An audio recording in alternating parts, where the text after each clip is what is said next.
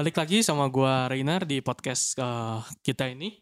Nah, sekarang kan kemarin kita udah sempat bahas tuh yang tentang quarter life crisis.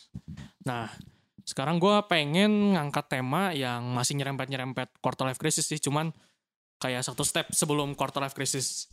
Karena gue mikir gini loh, lu bisa ngalamin quarter life crisis salah satunya karena ada satu bagian di uh, sebelumnya itu yang lu miss atau lu kelewat itu. Dan itu tuh pencarian jati diri. Nah, karena itu gue hari ini bawa beberapa temen gue, ada tiga temen gue dari berbagai lapisan masyarakat juga ini. Bisa diperkenalkan, uh, Bapak? Halo, nama gue Yohanes. Halo semuanya, nama gue Fania. Halo, nama gue Tera. Oke, jadi uh, buat yang belum tahu, mereka itu dari misalnya ini dari uh, Yohan, dia tuh sekarang udah kerja ya. Ya, kerja. Oke, dia udah kerja. Buat kalau Vania, dia, lu ke saya lu Gua kuliah, ya? kuliah Semester? semester 6. Oke, so, ku- tadi ini kerja, ini kuliah. Teral, lu SMP 3 mau ke SMA berarti ya? ya, tahun ini. Oke, jadi ini ada eh, orang yang udah kerja, sedang berkuliah dan sedang bersekolah. Nah, kenapa sih gue ngumpulin mereka bertiga di sini? Karena gue pengen hmm, mengupas lebih dalam lagi tentang pencarian jati diri mereka dari masing-masing apa ya disebutnya kayak mas satu step satu step gitu ya kan dari Satu sekolah, step kuliah, kehidupan gitu-gitu Iya, ya. kuliah betul. Eh, terus kerja. Nah, jadi sekarang gue punya pertanyaan nih buat eh, kalian. Hmm, kalau dengar kata jati diri, apa yang pertama muncul di otak lu semua? Sulit pertanyaannya ya. Kebetulan. Iya, kalau gampang mah Oh iya. ulangan bahasa Indonesia. Iya. Jadi kalau jati diri itu apa ya? Kayak apa yang ada dalam diri kita aja sebenarnya. Yang tapi yang kita tuh nggak bisa dapetinnya gampang gitu. Yang harus kita cari dulu. Kita harus sesuai sama lingkungan kita. Jadi sesuai lingkungan tuh mempengaruhi nanti hasil jati diri kita tuh jadi apa Hmm, kitanya. Oke, jadi Ya, bagaimana kita ke depannya juga kan kayak jati diri itu. jadi eh, lingkungan lu yang mempengaruhi lu yang sekarang, gitu bisa lu bilang. Betul. Kalau Ya, setuju. Tanggapan dari yang lebih berumur? Berumur. Berumur. Waduh. Kita seumuran ini berempat tuh, nggak beda jauh. Enggak sih nggak mau gua. Lumayan jauh sih kalau sama Iya. Terol. Ah, buat gue jati diri simpelnya ah, who I am. Mhm. Jadi ah, siapa saya sesungguhnya. Kalau tadi Taral sempat bilang ah, perlu proses kan, perlu nggak nggak mudah untuk mengetahui siapa kita, siapa saya sebetulnya. Karena memang kita itu dilahirkan nggak langsung ada manual book. Kalau benda, kalau TV itu kan begitu TV diciptakan, mereka ada tuh TV fungsinya apa, dia bisa ngapain aja, dia bisa melakukan apa aja. Hmm. Nah, sedangkan kita masing-masing dari kita itu semua itu pasti punya perlu proses untuk mencari tahu siapa sih kita di kita sebenarnya. Jadi buat gue jati diri sih simpelnya who I am. Gitu sih. Hmm, perlu proses yang pastinya tapi gue setuju sih eh, lingkungan tuh salah satu yang paling mempengaruhi kita ya jadi orang seperti apa sih jati diri kita seperti apa dan ya itu lingkungan lu kalau misalnya menurut gua lingkungan pertemanannya seperti A gitu ya lu akan jadi pribadi yang mirip sama orang-orang itu sendiri Ya, jadi setuju. apa ya kayak Iya kayak benar-benar. ke bawah gitu loh. Kalau pergaulan lu misalnya isinya orang cerdas cermat terus gitu, lu ya lu kemu- kemungkinan besar lu akan ikut cerdas cermat juga gitu atau eh jadi orang yang tanda petiknya ya pintar lah pendidikan gitu. Tapi kalau misalnya lu lingkungannya orangnya main basket semua gitu teman-teman lu, ya, dan lu akan jadi pasti senang basket gitu Hmm. karena eh, gak mungkin orang bisa menemukan jati dirinya sendiri gitu tanpa pengaruh lingkungan ya kalau kata gue. Nah tapi kan bicara lingkungan nih ada misalnya tiga. gue mau bagi ke beberapa aspek nih kayak contohnya pertama lingkungan hmm, pendidikan lah ya sekolah. Mungkin kalau kita berdua udah udah ngelewatin masa-masa sekolah kuliah. Nah tapi gue pengen tahu nih dari eh, lu Rah. lu kan sekarang SMP ke SMA lah ya. Yoi. Umur lu berapa sih? Waduh, jangan bahas umur deh. Ja- jauh kan sama jangan, lu. jangan. Jauh kan sama lu. Sama gua masih dekat lah. Beda dikit, beda dikit. Satunya jadi dua tapi. Jadi 10 tahun tuh. Nah itu kan sekarang sekolah nih. Gue pengen tahu hmm, lingkungan sekolah lu tuh kayak gimana sih kayak eh, pertemanan lu gaya kayak gimana gayanya dan lingkungan lu kayak gimana. Eh, atau lu punya cerita-cerita yang oke nggak sih dari pertemanan lu itu Kalau dari sekolah sih biasanya anak SMP SMA mainnya geng-gengan. geng-gengan oke Geng-gengan cuman kalau misalnya dari Tera sendiri sih kurang suka kalau misalnya geng-gengan gitu. Jadi kayak misalnya eh masuk tuh temenan aja gitu, cukup temenan tapi eh, kenal sama yang itu, kenal geng ini, kenal geng itu gitu maksudnya. Jadi nggak pertemanan itu nggak cuman gitu doang gitu. Kita bisa tahu lebih banyak orang lagi, lebih tahu banyak hal juga lagi gitu kan.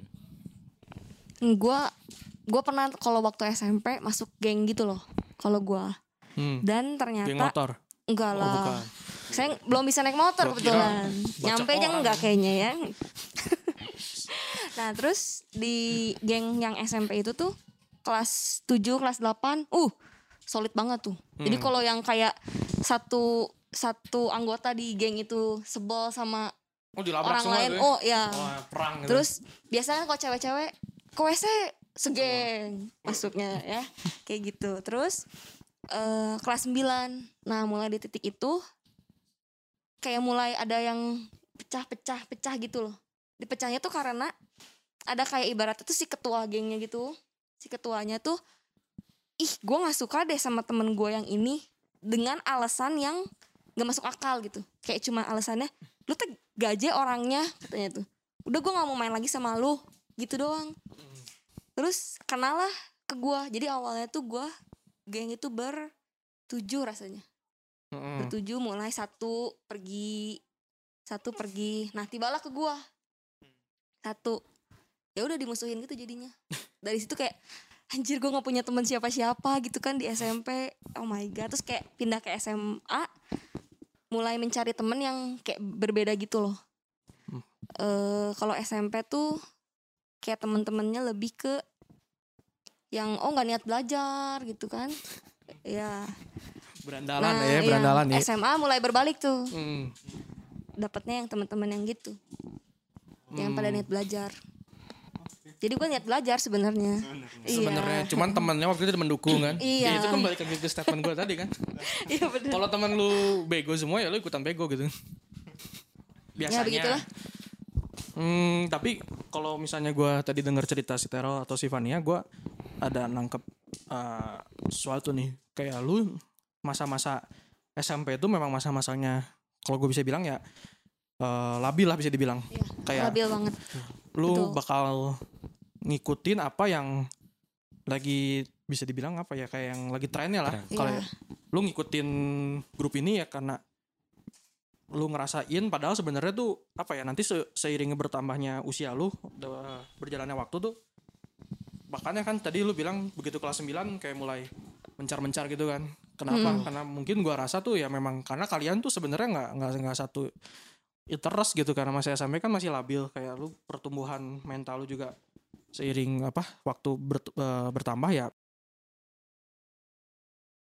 Zaman gua juga dulu zaman gua. Kesannya lama ya. Tua banget dong pak. ya dulu zaman gue SMP pun kayak gitu. Sama kok. Kayak banyak lah ya kayak geng-geng lu pernah gitu. geng juga? Masuk geng Ya, gitu? Gue masuk geng sih ya maksudnya ya temennya pasti kan ada kelompok-kelompoknya lah bisa dibilang ya kayak Hmm. kelompok ini gitu kelompok cerdas cermat kelompok Oh, lu cerdas cermat. cerdas cuma enggak sih kurang cerdas kurang cermat gitu. Udah, udah memenuhi syarat.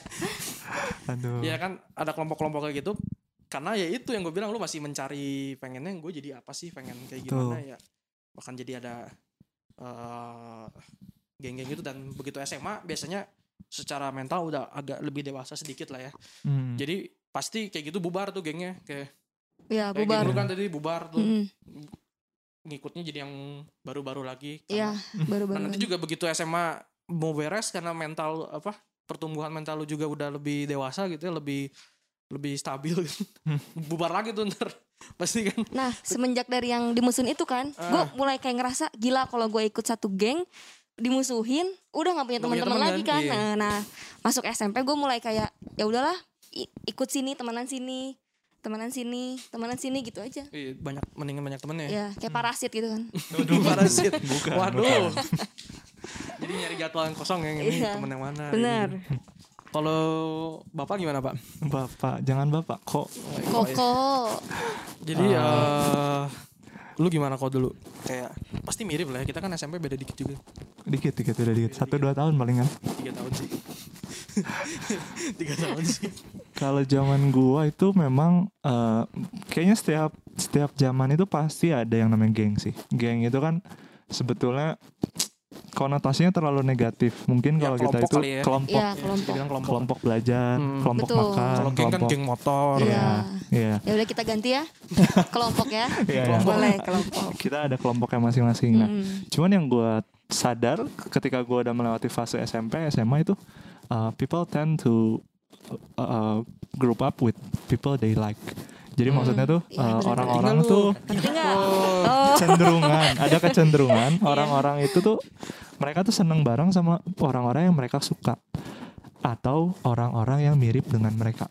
Mm. Coba kita pikirin ya, kalau waktu SMP SMP itu kalian malas belajar, Mm. biasanya kan ketika kita dekat sama orang yang malas belajar juga tuh ada rasa Mendukung ya. yang Betul, mendukung karena- gitu, mendukung kita. Wah, dia juga males, berarti gua nggak jelek-jelek amat. Berarti Iya. gua nggak sendiri gitu. Iya kan? Ada Nah, juga yang iya, nah. iya, iya. itu itu memang wajar karena dari dari ketika kita lahir kita kan lahir sendiri kalau misalkan eh, kembar mungkin beda lah ya tapi ketika kita mulai kenal teman ketika kita mulai cari-cari tahu wah ternyata orang ini mirip nih sama saya orang ini sukanya sama nih suka basket suka motor suka belajar ada loh orang-orang yang suka belajar nah Lu itu kok?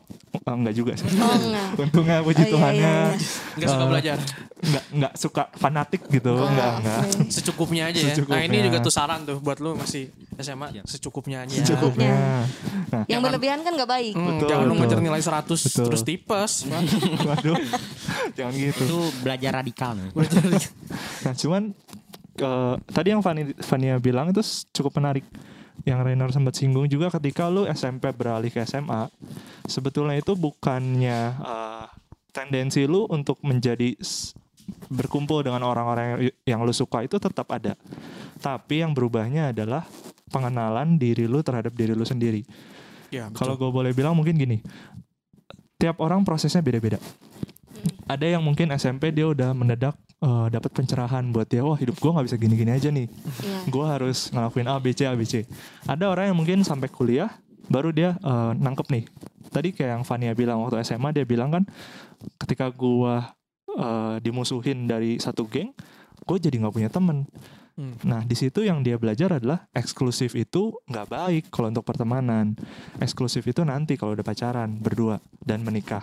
Sorry, bukan pacaran. Pacaran itu justru jangan eksklusif. Setelah menikah baru itu eksklusif. Jadi Nah, pacaran boleh banyak ya. eh, Waduh. bukan, Oh, duh, duh, jangan duh. gitu maksudnya. Pacaran jangan berduaan doang. Oh. Pacaran itu bareng-bareng Oh, iya. sama temen gitu. Gue kira pacaran boleh tiga pak. bukan pacarnya yang banyak. Pengennya ya? Fokus, fokus. ya, oh jangan lah pak. jangan jangan bu. Nah, sedangkan di kasusnya yang Fania tadi, teman-teman dia yang masih suka dengan geng-gengan, mereka masih nganggap kalau eh, geng-gengan atau eksklusif itu keren. It- it- it- balik lagi itu nggak ada yang benar nggak ada yang salah. Cuman Fania eh, dewasa lebih cepat dibanding teman-temannya mungkin dalam hal itu. Dewasa. Mungkin ada hal lain kan? ada hal lain mungkin Langsung dikoreksi dulu. dalam hal itu. Nah, jadi eh, maksud gue adalah pertemanan itu memang itu wajar kalau kalian ngerasa kok tapi gue nyaman nih dekat sama si A, si B, si C, it's okay. Tapi akan ada satu titik di mana kalian perlu memutuskan apakah teman-teman kalian itu membangun Ya, Atau atau merusak. Betul. Betul. Karena cuman ada dua kemungkinan. Kalian dibangun oleh teman-teman kalian atau kalian dijatuhkan oleh lingkungan kalian. It's Tapi bisa nggak happen. sih kayak kita yang membangun teman-teman kita? Gitu. bisa itu bisa tapi itu sama aja eh pernah ada gue sering dengar tuh kalau lu udah jadi ikan terbesar di satu kolam udah seharusnya lu jangan tinggal di kolam itu maksudnya Hmm. adalah ketika lu ngerasa setiap hari setiap ketemu lu yang eh, paling pintar lu yang paling jago lu yang paling paling bisa paling atau paling rajin nah berarti kan seterusnya lu akan terus ada di dalam zona tersebut sehingga lu nggak akan berkembang. Wah gue kesannya kayak tua banget ini. Kan memang. jangan dong. Ini kita seumuran di sini semua. Tapi pengalaman lu lebih banyak kayaknya. satu dua tahun lah beda. Udah tahu.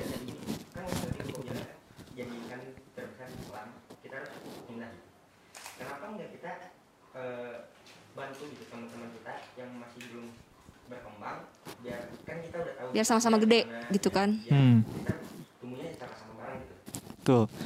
Pertanyaannya menarik. Kalau menurut gua gini, lu balik lagi jangan eksklusif gitu. Hmm. Karena lu ya lu gaul ya jangan sama-sama itu Oke, doang kan. oke. Lu gaulnya banyak tuh.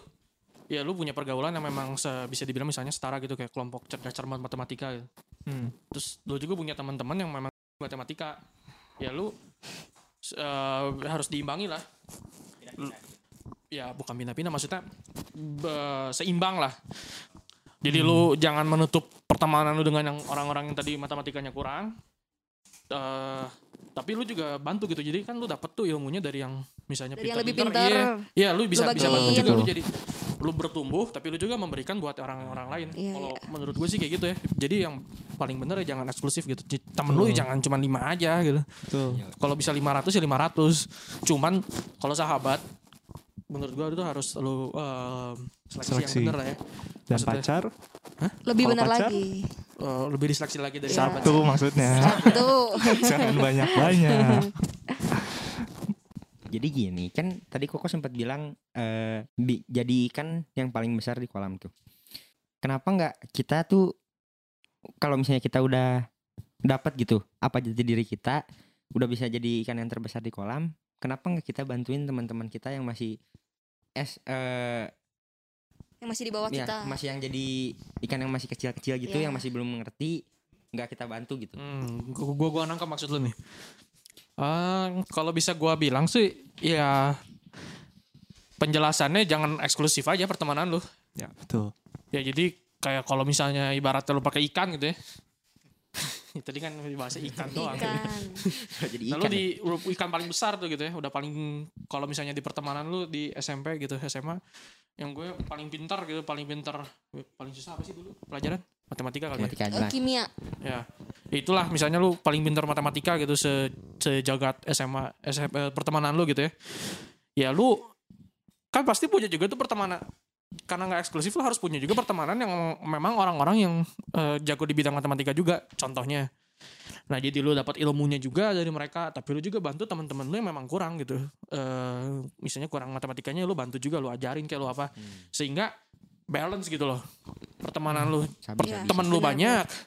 Karena memang kan eh, misalnya dari kalau ada yang matematikanya kurang tapi siapa tahu dia punya sesuatu yang lebih dari lu Lebih, gitu dan iya. lu juga memang butuh itu dari dia Tuh. jadi ya lu perluas aja pertemanan lu sebanyak-banyaknya. Lu bisa dapat ilmu dari orang lain tapi lu juga sharing ilmu, sharing knowledge lu ke teman-teman lu yang lain gitu ya, share, saling sharing aja. Intinya mah temen lu harus sebanyak-banyaknya. Tuh. Yup. Itu eh, tendensinya baik ketika lu bilang gue pengen membantu teman gue untuk jadi ikan besar juga. Cuman akan berbeda ketika lu sudah menjadi ikan. Sekarang kalau misalkan kita anggap ikan itu 1 sampai 10. Ketika lu di tempat lu sekarang lu tiga aja lu udah paling besar. Hmm. Nah, tempat lain bisa Betul, ketika lu punya kolam lain di mana lu tiga itu lu bisa berkembang jadi lima, jadi 10 lu akan membantu teman lu lebih banyak dibandingkan ketika lu stay di kolam itu dan lu Oh, tetap oke, menjadi oke. ikan Iya, iya, level iya. 3 gitu. Ya. Iya. Jadi mungkin simpelnya kolamnya kita nggak nggak nggak harus cuma satu. Kolamnya Ya, kalau betul. lu bilang gue pengen tetap eh, di kolam gua sekarang membantu teman-teman gua, it's okay. Tapi ketika lu udah tidak bisa belajar apa pun di kolam itu, carilah tadi yang Rainer bilang kolam-kolam lain untuk lu bisa belajar hal lain dalam hal pertemanan ya. Iya betul betul. Hmm, tapi gue punya satu isu kayak gini. Ah, terkadang kita terlalu banyak mikirin eh pertemanan kita, lingkungan sekolah kita, kerjaan kita, mungkin kuliahan kita. Tapi kadang-kala kita tuh lupa gitu. Hmm, kita tuh masih punya keluarga gak sih? Masih Iya. masih maksudnya masih Masih berstatus. iya masih masih Anak. sebagai anak gitu ya. berstatus Eh, anak. Masih jadi anak semua kan?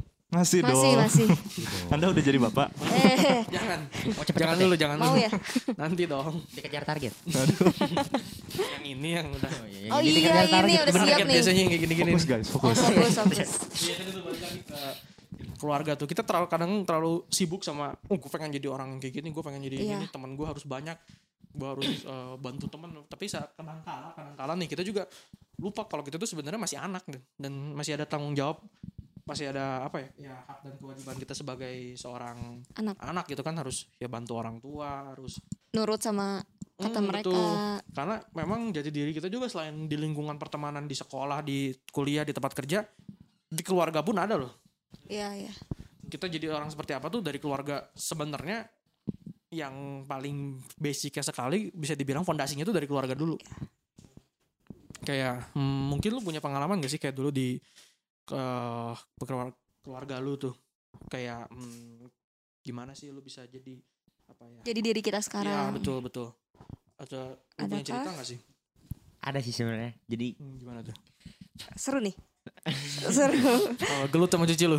Eh oh. aduh. Sebenarnya iya sih. Kayaknya ada di depan sih itu. sebenarnya iya sih. Gelut wae. Ingin kayak keluarga tuh jadi tempat paling ya bener yang tadi koko bilang jadi basic buat eh, pencarian jati diri kita. Bahkan kan eh, pertama kali kita dapat jati diri itu dari keluarga gitu. Dari kecil kita udah kenal sama keluarga kita. Tapi apa ya mungkin gara-gara perkembangan zaman gini juga yang yang yang terasa gini eh keluar cari jati diri di keluarga zaman sekarang sama zaman dulu beda hmm, cuman dulunya sedulu apa dulu Ro?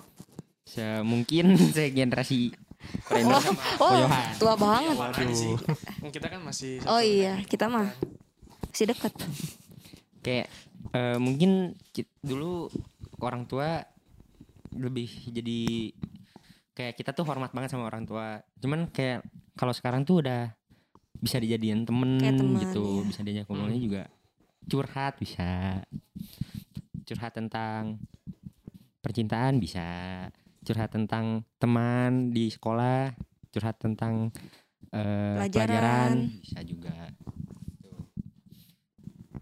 Terus apa yang lu rasakan sekarang? Kayak apa ya? Jadi ditanya curhat ini. iya nggak apa-apa lah. Gimana ya? Pokoknya keluarga tuh buat jadi tempat jati diri tuh agak kalau buat Tera buat sekarang sih su- eh, agak susah ya. Agak susah. Mm-mm. lebih enak ke pertemanan gitu kalau punya jati diri Hmm, ya memang apa ya kalau menurut gua tuh memang karena kan jarak umur kita dengan orang tua kan ya agak jauh lah ya biasanya. Hmm. bukan biasanya ya pasti agak jauh sih. Iya. Nggak mungkin kan sama nyokap kecuali beda tiga, lu beda tiga tahun. sekarang. Hmm? Waduh. kalau mau sekarang punya anaknya. Dia loading dulu, loading dulu. jangan oh jangan. Baru juga gua nah jadi karena perbedaannya umurnya yang jauh tuh memang kadang buat lu- pandangannya juga iya beda, beda, dong beda cara zaman tuh. pandangnya cara pandang. beda bedanya 30 tahun gitu 25 iya. tahun. Ya pasti kan eh zaman 25 tahun yang lalu dengan sekarang kan ya problematika yang juga berbeda. Walaupun memang sebenarnya pokok masalahnya itu itu aja sih kan lu kayak temenan percintaan duit apalagi kan dari zaman Iya. dulu sekarang. Iya betul. Masa akar pokok masalahnya tiga Oh, iya. kan cuman ya versinya agak berbeda-beda kalau gitu sekarang kan. Dan karena perbedaan umur yang cukup jauh itu eh gua rasa jadi kita kurang bisa mm, apa ya lepas gitu ya sama orang tua tuh. Nah ya gitu sih kalau kata gue mah ya. Karena perbedaan umurnya itu jadi sungkan lah bisa dibilang kan. Nah Karena- masalah perbedaan umur tuh gue sharing pengalaman gue pribadi aja Nah, sih. boleh boleh. Jadi eh, kalau di keluarga gue itu gue kayak bukan kayak sih ya gue beda jarak sama Cici sama Koko gue tuh jauh banget. Sama Koko itu bedanya 22 tahun. Buset. Eh, Buset. kalau sama Cici bedanya 16 tahun. Jadi kayak Cici gue udah masuk SM, SMA Hmm, lu baru lahir? Nah keluar tuh gue brojol gitu 22 dan 15. 22 dan 15 Oke. Wow. Jadi makanya eh keponakan gua sama gua tuh kayak ya Angel sama Axel tuh jadi kayak temen sekarang tuh Nah, pergi apa apa bareng karena se- hampir seumur gitu bedanya. iya iya. Cuman terkadang kayak gitu ada sisi anaknya juga sih kalau di kalau menurut gua ya. Kayak kalau sama cici gua sama koko gua kan kalau misalkan orang-orang lain tuh yang gua lihat cici eh, cici sama dedenya atau koko sama dedenya tuh ya uang jajan sendiri-sendiri terus kayak makan apa tuh ya udah gua bayar sendiri dia bayar sendiri nah kalau sama si cici sama atau sama si koko tuh gue selalu dibayarin Nah enaknya itu sih. Oh, Apa? iya. Itu kan Karena- keuntungan ya Iya sebetulnya. keuntungan. Ya, kalau gitu makan aja di luar terus ajakin, mau makan yuk gitu. jangan Cuman nggak enaknya kayak yang nggak punya teman aja gitu kan. Beda Oh. Beda gitu pertemanannya. Hmm, karena lu sama saudara lu juga jauh, berarti sama orang tua lebih jauh lagi kan. Mm-mm. Tuh. Jauh lebih jauh lagi berarti kan. Cukup Tuh. cukup jauh lah. Mama gua teh ngelahirin gua umur 39. Hmm. Jadi beda Oh. 39 tahun. Iya, iya. Gitu. gue bisa relate sih karena gue Lu kan juga jauh. Iya sama Cici tuh Oh. beda 10 dan 12 Iya. Cuman- Dua-duanya teh cici kok. Iya, dua cici. Oh. Saya anak paling Anak kecil bontot. Anak bontot Anak, Anak bungsu bontot. Sama dong anak bontot. Nah gue sama papa gue tuh beda 38 tahun Sama papa. sama papa Jadi eh, tadi yang Teral sempat bilang hmm, Mungkin agak berbeda dengan masa orang tua Punya orang tua lagi Itu bener banget Itu yang disebut generation gap Karena Hmm. kita itu kan eh, generasi X, generasi Y, generasi milenial Masing-masing itu terlahir dengan pola pikir dan lingkungan yang berbeda Hmm. Iya. jadi memang ketika tadi lu bilang eh, susah nih kalau di keluarga mencari jati diri, mungkin eh, memang karena keluarga itu adalah eh, tempat kita pulang sebetulnya.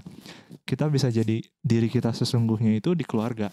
Cuman satu hal yang perlu gue ingetin adalah ingat kalau pesan firman Tuhan itu hormati ayah dan ibumu. Iya. Kalau tadi Terrell sempat bilang eh, gue nganggap mereka sebagai teman bisa curhat, itu bagus, itu sangat Hmm, bagus. hmm. Itu karena itu bonding kan Hmm. Cara tiap orang bonding dengan keluarga masing-masingnya juga berbeda. Kalau Vania tadi mungkin eh, dengan dia ditraktir itu membonding. Enggak sih. Enggak juga sih. Mungkin Iya. Nah, Dia hanya menceritakan salah satu keuntungan. salah satu pengalaman. Oh iya. pengalaman. Eh, Terrell eh Terrell Rainer juga mungkin bisa beda kan. Iya, Cuman betul. yang paling harus digaris bawah itu tetap hormati ayah dan ibumu. Mau menganggap mereka sebagai teman boleh, menganggap mereka sebagai kawan, sebagai sahabat boleh, tapi tetap harus ada rasa hormat di situ. Iya. Hmm. Bapak ada pengalaman keluarga atau sudah ber- mau rencana berkeluarga. berkeluarga? Ya, lu dulu berkeluarga kali. Bisa di skip. Bisa di skip gak apa-apa saya. Nggak boleh ngelewatin yang lebih tua nggak enak lah gue. Nggak boleh ngelengkahin gitu kan. Ah, gas aja lah. Gas. Yang ini kan udah lebih lebih settle, lebih lebih matang. Mapan. Settle. Udah mapan. settle. ya.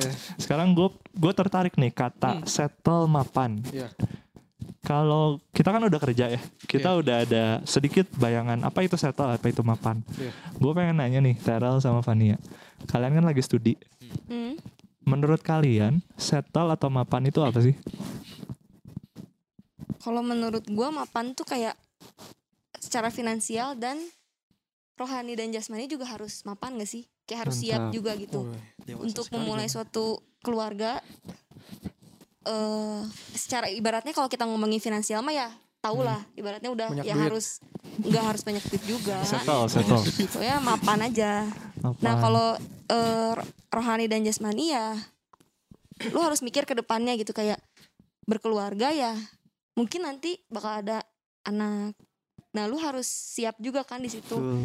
Eh, mental lu terus juga pola pikir udah harus berubah nggak bisa kayak kekanak-kanakan lagi Kayaknya dia udah siap ya. Wah iya. Lebih siap dari kita. Jangan dia duluan dibanding kita. gue gue denger jawabannya ngeri juga. jangan terpukau gitu dong ya begitulah Gitu kalau dari ya. gue Oke, Terrell gimana? ntar Oh, semua terpukau lagi kalau gue skip skip. Kalau menurut lu gimana? Mapan tuh di mana diri lu udah siap ya. Udah Diri siap udah buat siap. buat ya buat apa pun itu. Dari Hmm. semua aspek ya. Hmm. Mapan tuh berarti udah siap. siap. Gitu. Katanya siap berarti. ya. Siap. siap Siap.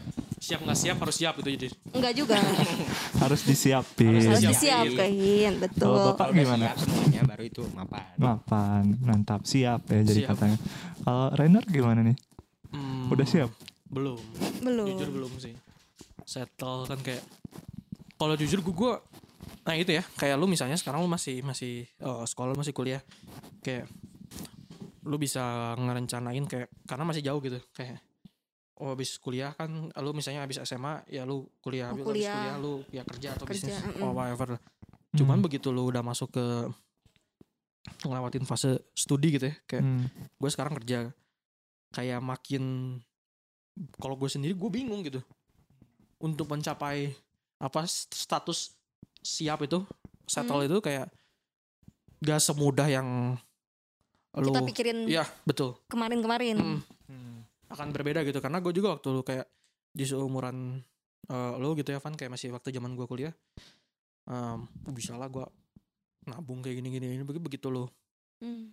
eh ngelewatin fase perkuliahan lu itu studi lu dan lu mulai kehidupan nyata gitu ya Tidak semudah itu. tidak semudah itu Gitu kan. dan karena dunia luar itu keras betul Oh, Betul. oke. betul jadi ya lu masih belajar gitu ya masih masih studi kata gue mah ya nikmatin aja dulu sih Hmm. jangan terlalu mikirin apaan kayak apa gitu ya disiapkan boleh tapi maksudnya jangan lu terfokus ke Jadi situ gitu stres karena Ya, itu. betul, karena memang betul. lu kan lu gitu misalnya lu SMA ya kan tujuan utama lu SMA kan belajar belajar betul Belajar, iya. walaupun sebenarnya ilmunya kalau bisa gue bilang hampir nggak kepake semua Iya.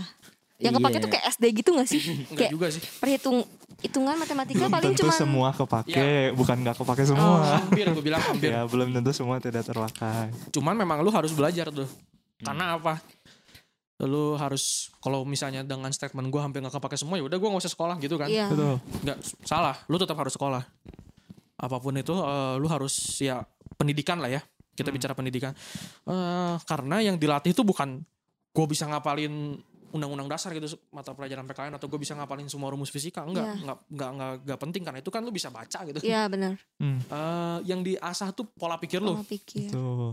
Kalau pikir. pola pikir lu eh, cara lu memecahkan masalah problem problem solving lu gimana tuh nah itu tuh yang dibentuk di sek- Sekolah. eh, sekolah dan kuliah dan dengan kemampuan mengasah pola pikir lu itu yang akan nanti dipakai ya seperti insting bertahan hidup lu lah ntar di Hmm. dunia perkul- eh, pekerjaan lu Pekerjaan. tuh dan ya nanti tuh habis pekerjaan lu kan Benar-benar. bisa bikin lu ke tahap mapan yang tadi tuh jadi ya Tuh. step by stepnya dijalanin aja tuh kayak lu sekolah ya sekolah aja yang benar Hmm. lu kuliah kuliah aja yang bener gitu Hmm. dinikmati dijalani nah cuman gue mau nanya nih menurut lu sekolah nilai itu penting nggak kalau dari dari gue kalau dari gue sih Dari yang sekolah dulu lah ya. Anda juga masih Nilai sekolah, Oh iya. mahasiswa kan. nilai itu penting sih cuman eh, yang tadi koko bilang kan pola pikir loh yang harus diasah di Hmm. sekolah tuh kalau misalnya lihat dibandingin nilai sama eh, pola pikir yang diasah tuh lebih penting pola pikir yang diasah buat kitanya sih itu masalahnya pola pikirnya itu yang bakal jadi hasil dari kita sekolah tuh yang paling kelihatan tuh kan pola pikir gitu Hmm. misalnya gue nggak setuju pola pikir lu nggak akan kelihatan sebelum lu menghadapi masalah real sih yang kelihatan tuh di sekolah lu nilai sebenarnya nilai rapat lu kan Nilai 80 rapat. 80 80 Iya sih. Cuman kalau misalnya di dunia luar tuh gimana cara kita misalnya ada satu masalah nih. Hmm. Terus eh orang tuh udah semua orang tuh liatnya cara yang pertama misalnya udah paling bener buat nyelesain masalah. Hmm. Sebenarnya ada ada cara lain yang lebih simpel yang kita tahu gitu. Itu dihasilin dari pola pikir kita. selama bersekolah Iya, dilatih iya. Ya, ya, oke sih. Ya, gue gua ngerti maksudnya. Hmm, tapi kalau misalnya lu cuma ngejar pola pikir, gue gue bisa bi- bilang statement kayak gini dong. Nyontek tuh berarti hasil dari kreativitas kita dong, pola pikir kita. Iya. Kayak how to achieve, Betul sih. Itu betul. how how you achieve a perfect grade. Tapi lu nggak perlu bersusah-susah gitu. Ya itu kan maksudnya Susah sih sebenarnya kan nyontek. tujuannya nilainya bagus tuh. Cari cara tuh nyontek. Misalnya tujuannya gue mau dapat eh, mata mata mata kuliah apa? Mata pelajaran. Mata pelajaran. Nilainya Terus bagus. nilainya di atas eh, KKM. rata-rata pak Tuh kita masih sangat. KKM. KKM mah dari istilah nyokap gue sekolah Oh, juga iya, iya. KKM makanya Ya. ya, itu kan misalnya gue mau ngejar nilainya bagus perfect Hmm. Eh, kalau misalnya kita nyontek berarti itu kan pola pikir kita jauh di depan orang kan dengan cara yang lebih simpel lebih effortless Tapi ntar di kehidupan sama. nyata kan nggak bisa gitu mungkin. Kalau kayak gitu kan kayak eh lu mendapatkan apa yang lu pengen dengan proses yang simple, proses yang sebentar gitu. Tapi Iya. kalau misalkan dengan lu belajar, dengan lu ada berusaha, dari situ juga mungkin eh sekolah tuh melatih kita untuk seperti itu. Lebih tough gitu ya lebih Iya. berjuang gitu. Lebih menik- menikmati prosesnya, menjalani si proses itu gitu Hmm. kan. jadi nyontek boleh nggak Waduh, Pertanyaannya pertanyaannya sulit. buat mungkin ada guru yang nonton juga jadi nyontek boleh nggak Boleh nggak tuh? mungkin nanya Fania dulu. Gimana menurut Oh. Fania soal nilai kan? Penting atau enggak tadi? Hmm, Hmm, Oke, iya. kalau buat gua eh, nilai itu penting karena kalau gitu nyontek aja pernah sih nyontek mm-mm. Jangan confession gitu. oh iya, iya. terus eh, buat gue penting karena orang tua gue kan istilahnya udah nyekolahin gue Hmm. Iya. mereka pengen dong lihat hasil anaknya bagus sebenarnya setelah gue pikir-pikir eh gue berusaha untuk mendapatkan nilai bagus nilai baik itu ya buat orang tua balik lagi buat orang tua gue gitu karena Hmm. mereka pengennya gue kayak gini Betul. Gitu. Beda lagi kalau ibaratnya gue kuliah gue kerja eh gue sekolah pakai uang gue sendiri gitu kan. Hmm. ya udah aja itu mas mau maunya gue gitu. Punya gimana? Cuma kan ini balik lagi ke kalau gue ya pola pikir gue mereka yang biayain hidup gue gitu. Hmm, Jadi ya, mereka pengennya iya, juga lu mereka eh, bener. Mereka udah kayak ibaratnya kerja keras Mungkin mereka bisa beli hal-hal lain kalau nggak nyokolahin gue gitu kan ibaratnya. Mereka bisa liburan beli barang-barang yang mereka pengen. Tapi karena harus nyokolahin gue Hmm. ya itu semua nggak bisa mereka dapetin. Dan tuntutan mereka kan ya cuma satu pengen lihat nilai gue bagus gitu. Ya udah aja apa susahnya sih kita kasih aja? Gitu kalau menurut gue Hmm. toh tuntutannya juga nggak nggak banyak gitu kan. Hmm, ya Sebetulnya mereka menjawab sih. Tadi kalau Terel bilang nilai itu penting, tapi lebih penting soal pola pola pikir pikir. Fania juga bilang nilai itu penting. Mungkin gue tambahin nilai itu penting, tapi bukan segalanya. Iya benar Jadi setuju. Eh, tadi yang Terel dan Fania itu dua hal itu sama seperti koin tuh punya dua mata dua mata sisi kan Iya ketika kita sekolah sebetulnya itu ada dua sisi yang pertama itu yang kita dapat untuk diri kita sendiri yaitu kalau tadi Terel bilang soal pola pikir soal grit soal tough soal Mm-mm. eh, struggling proses dan yang kedua adalah apa yang kita dapat untuk kita show kepada orang maksud gue gini sekolah kenapa masih perlu raport karena lu perlu untuk naik SMA level betul Iya. dari SMA lu perlu raport lagi untuk lu naik ke kuliah Mm-mm. dari kuliah lu perlu IPK untuk lu mengetok kerja. pintu kerja Mm-mm. nah jadi dua-duanya tuh penting nilai dan uh, faktor internal dan faktor yang lu bisa eksternal lu kasih lihat itu penting gue mau nyambungin dikit yang tadi Vania sempet share Eh, dia ngerasa kalau orang tua itu udah udah berkorban untuk Betul. bisa nyokolahin dan itu gue ada pengalaman sendiri jadi gue kuliah juga nggak em, 100% lulus tiga setengah tahun mm, Buset. dengan IPK 399 oh enggak. Tapi IPK lu berapa 3,7 ya sama Oh aja. enggak dong. gue pernah mengalami eh, khususnya di kuliah ketika gue ada fase gue paling rendah dan ada mata kuliah yang gue nggak lulus dan gue harus mengulang. Di situ buat gue waktu itu gue ngerasa oh ya udah yang rugi gue gitu, yang rugi kan gue yang kehilangan waktu. Mm-mm. Tapi ketika gue ngasih tau orang tua gue, Mm. di situ gue baru sadar kalau buat orang tua memang nilai itu nggak nggak 100% segalanya.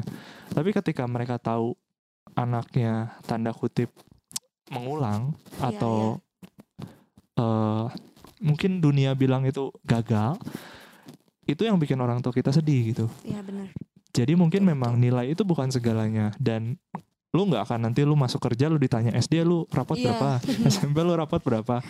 Tapi itu proses. Ketika lu SD, buat orang tua lu rapot lu itu menanjakan menunjukkan kalau lu tuh berhasil mama nih ngedidiknya bener Hmm. nih. Kita kan nggak pernah tahu yang ada di pikiran orang tua Iya. kita kan. Jadi memang nilai bukan segalanya, tapi nilai itu ya memang kita harus itu salah satu yang harus kita uh, Perjuangkan ya. betul perjuangkan untuk fase kalian ya karena kan kalian masih SMP SMA kuliah siapa tahu nanti ke depannya menteri pendidikan kita oke skip jangan nanti politik